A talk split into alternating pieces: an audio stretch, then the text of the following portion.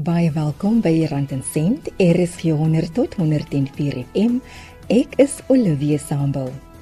Vandag is die 8ste program in die reeks oor die pensioenfonds vir staatsamptenare.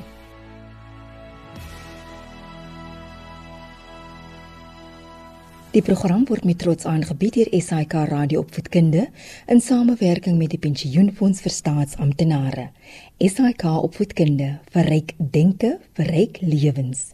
Een van die belangrikste dokumente wat jy moet invul, is die nominasievorm, want dit sal leiding gee aan wie jou geld betaal moet word indien jy sou sterf. Amelia Hartzenberg van die Agentskap vir Regering Pensioenadministrasie in die Wes-Kaap verduidelik hoekom die vorms die werk van die administrateurs vergemaklik en die lewens van die agtergeblewenes heelwat beter maak. 'n Nominasievorm is basies vir ons 'n aanduiding indien 'n lid tot sterwe kom in diens of indien 'n pensionaris tot sterwe kom binne die eerste 5 jaar na aftrede wie die geld moet kry. Met ander woorde, aan wie moet die EPF hierdie enkel bedrag betaal? 80% van ons doodseise het nie nominasievorms nie. My lede wat nie nominasievorms voltooi nie, hulle sê eintlik GEPF doen wat hulle lekker kry. En dan die arme mense wat agterbly. Onthou ons ken nie die families nie. Ons ken nie ons lede se agtergrond nie. Dan moet die GEPF 'n besluit maak volgens die reëls van die fonds wie moet nou betaal word? Wie gaan nog geld kry? En ek sê vir jou, baie keer is dit moeilik. Dis moeilik want jy dink nou jy het die hele storie, dan kom maar nog 2 of 3 kinders na vore of nog 'n vrou of twee. Dan moet ons nou besluit wie die geld gaan kry. Jy hoor hoe belangrik dit is. So hierdie WP 1002 moet voltooi word in orde vir ons as die GPF indien die lid of pensionaris tot sterwe kom binne die eerste 5 jaar na aftrede sodat ons weet wie die geld moet betaal aan word en sodat alles seepglad kan verloop en sodat niemand suffer nie. Jy kan die vorm op verskeie maniere kry.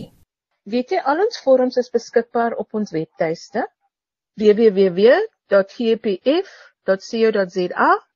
alle vorms is beskikbaar daarop. Indien jy nie toegang het tot rekenaars nie, jy is meer as welkom om tot by 'n instapdiensentrum te gaan of selfs tot by jou ou departement of tot by jou HR kantore om hierdie vorm te kry en so gou as moontlik vir ons in te handig. En soos ek vir jou sê, hierdie selfhelp service laat vir jou toe om jou nominasievorm op te dateer. Dan hoef jy nie vorms te voltooi nie. Jy kan dit op die selfhelp desk doen. So watter verskoning het jy nou dat ons nie 'n nominasievorm het nie? Maar watter versekering het die fonds dat die nominasievorm wel deur die regte persoon ingevul is en dat dit 'n geldige dokument is? Ek sterk genoeg ek het al sulke gevalle gehad waar jy kon sien so duidelik soos daglig. Die persoon het afgesterf op 'n sekere datum maar die nominasievorm was geteken na dit op dit. Obviously dis mos seker maar nou fraud, you know. Dit is so duidelik soos daglig. Sulke eise word gewoonlik na ons forensiese afdeling verwys om 'n ondersoek te gaan instel. Maar as ek moet terugkom na die wetgewing van die GPF, any person who's legally factually and financially dependent on the deceased as on date of death may put in a claim. In a nutshell sê dit, enige persoon wat finansiëel afhanklik was, regmatiglik verbind is aan die lid, mag 'n eis insit. So nou het Oumelia net vir Kevin genomineer 100%. Maar ek het twee kinders ook. Hierdie twee kinders kan ook 'n eis insit. Mag ook 'n eis insit. Maar natuurlik met die nodige dokumentasie, met die nodige inligting. Enige Jan Piet en sy maat kan nie net sê maar dit was my ma of dit was my pa ook nie. So jy moet basies kan bewys jy was finansiëel afhanklik van die lid. Jy's regmatiglik die lid se kind en so voort alvorens so 'n besluit gemaak kan word. Ek het nou kort 'n doodseis gehad waar ek kon gesien het waar die JEP law die verandering teweeggebring het. Persoon was 100% genomineer. Daar was twee kinders en toe sê hulle, "Oké, okay, fyn, hierdie persoon gaan nog altyd 'n X bedrag kry, maar die twee kinders gaan die grootste gedeelte kry omdat die kinders nog minderjarig was." So ja, die Raad van Trustees mag besluit om 'n nominasievorm aan te pas, nagelang van die inligting wat voorsien word en bewyse. Volgens wetgewing kan die Raad van Trustees die nominasievorm aanpas. Hoewel jy enige persoon kan nomineer, kan die nominasies en die persentasie aangepas word. Weet jy, weer eens moet ons teruggaan na die wetgewing toe, né? Sê byvoorbeeld my buurman het vir my genomineer omdat ek nog so 'n oulike buurvrou was. So. Hy het vir my 90% genomineer en vir sy vrou 10%. Nou dood hy. Reg? En die eis word ingehandig. Dan is dit die plig van die GEPF om na die hele prentjie te kyk. Hierdie oom was getroud, hy het 5 kinders. Kyk hoe lyk sy nominasievorm. So, hulle kan besluit nagelang die inligting ingehandig word of wat was ingehandig, kan hulle besluit Omelia, jy gaan net 5% kry. Want onthou, ehm um, hy het mos nou miskien my groceries vir my gekoop en so voort. So ek was finansiëel afhanklik van hom. So ek kan soort van dit bewys. Sy kinders gaan 10 teen 1 ook geld kry omdat hulle legally factually and financially dependent was op hulle. So, die vrou gaan ook iets kry, maar die raad van trustees mag dan met daai persentasies herverdeel onder die klomp van ons. Al was die vrou net vir 10%, al was die kinders glad nie eers daar nie. Die kinders voldoen aan die wetgewing. Hulle bevredig die wetgewing en natuurlik die vrou ook. Indien jy enige inligting benodig, moet jy kan bewys dat jy toestemming het om die inligting te kry. Eerstens, as lede navraag doen, moet hulle mos na ons instapdiensentrum toe gaan. En gelukkig is hulle baie streng waar dit kom by dokumentasie en identifikasie want elke persoon moet ons positief kan identifiseer want ons mag nie inligting vir 'n derde party gee nie. So, my lid is dood en die persoon kom tot by ons instapdiensentrum. Ons vereis 'n doodsertifikaat As jy 'n genomineerde is, gaan ons jou ID-dokument nodig hê. As jy die eksekuteur van die boedel is, gaan ons die aanstellingsbrief as eksekuteur van die hof nodig hê en jou ID alvorens ons jou gaan help met inligting. Partykeer kom dat tannies en dan sê hulle maar hulle kom soek gou-gou net 'n bewys van betaling of 'n payslip van hulle man. Dan is die tannie getroud met my pensionaris, maar sy kom soek gou 'n payslip. Dan sê ons maar tannie, u is nie meneer so en so nie. Indien meneer so en so vir jou toestemming gegee het, ek het 'n skriftelike briefie nodig met sy handtekening om te sê ons mag dit vir jou gee, sy ID en u ID sodat dit op leer kan gaan. Sodat niemand kan terugkom om te sê ons het inligting aan 'n derde party gegee sonder die lid se toestemming nie. O, die mense is kwaad vir ons, maar ons mag dit nie doen nie. Dit was Omilie Hartzenberg van die Agentskap vir Regeringspensioenadministrasie in die Wes-Kaap.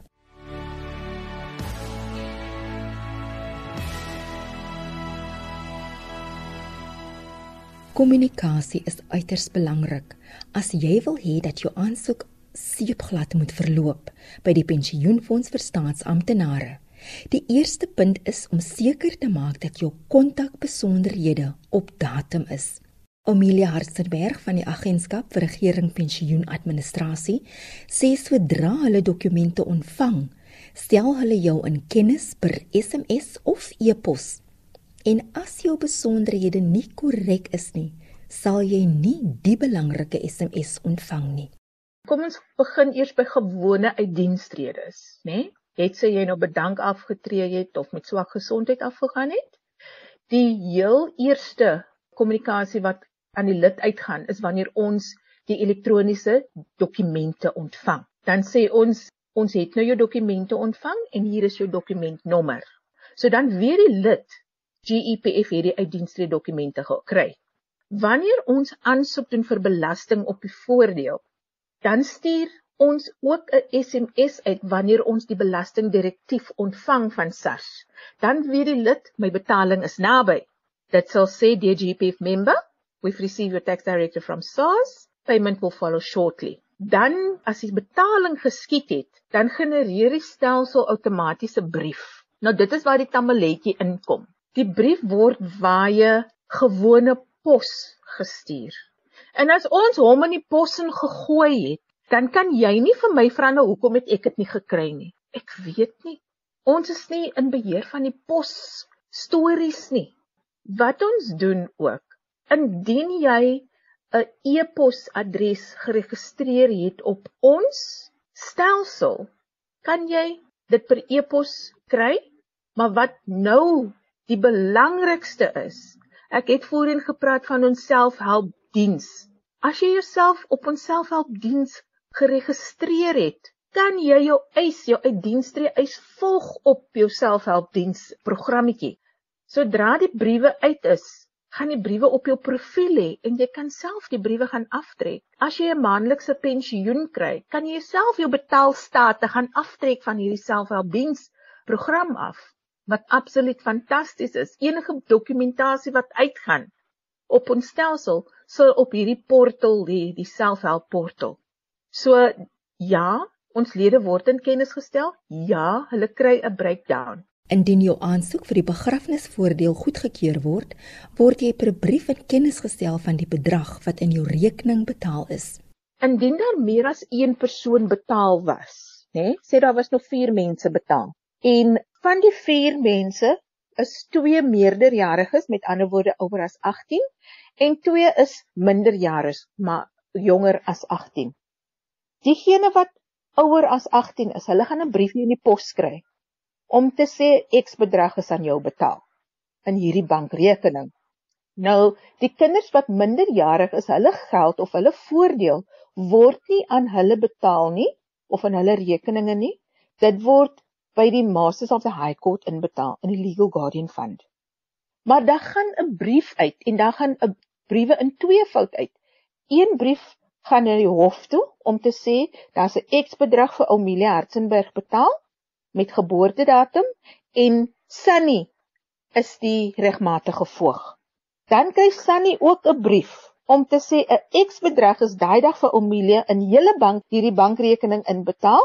So dan het al twee bewyse die hof het bewys wie se geld dit is en die regmatige voog het ook 'n bewys dat daar wel geld vir Omilia inbetaal is by die hof. Verstaan jy?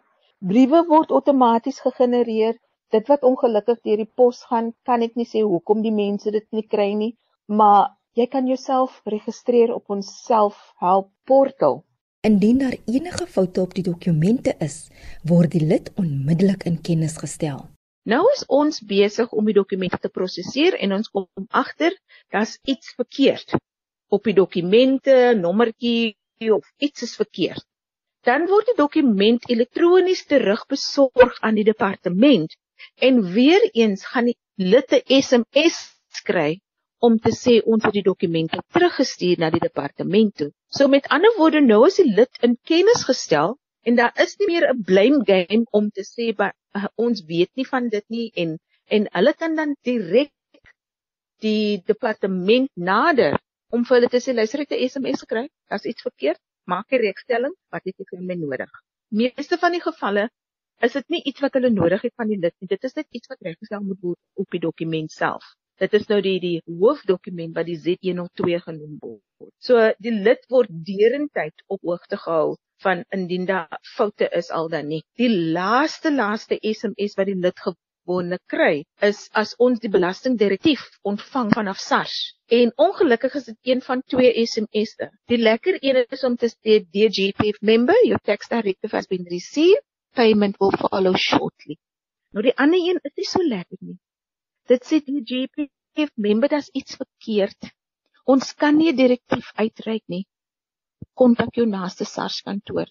Ongelukkig is daar niks wat GPF daaromtrent kan doen nie, want SARS deel net met die lid. So watter regstelling al gedoen moet word, dit moet deur die lid gedoen word. En nadat dit afgehandel is, reggestel is tussen aanhalingstekens gesê, is dit die lid se verantwoordelikheid om dan vir ons 'n clearance sertifikat te gee wat ons heraan te kan doen vir die belastingdirektief. En dan kan jy maar seker jou geldjie kry as alles dan 100% is. Weereens moet jy in gedagte hou dat geen inligting aan 'n derde party gegee mag word nie tensy die lid skriftelik toestemming gegee het.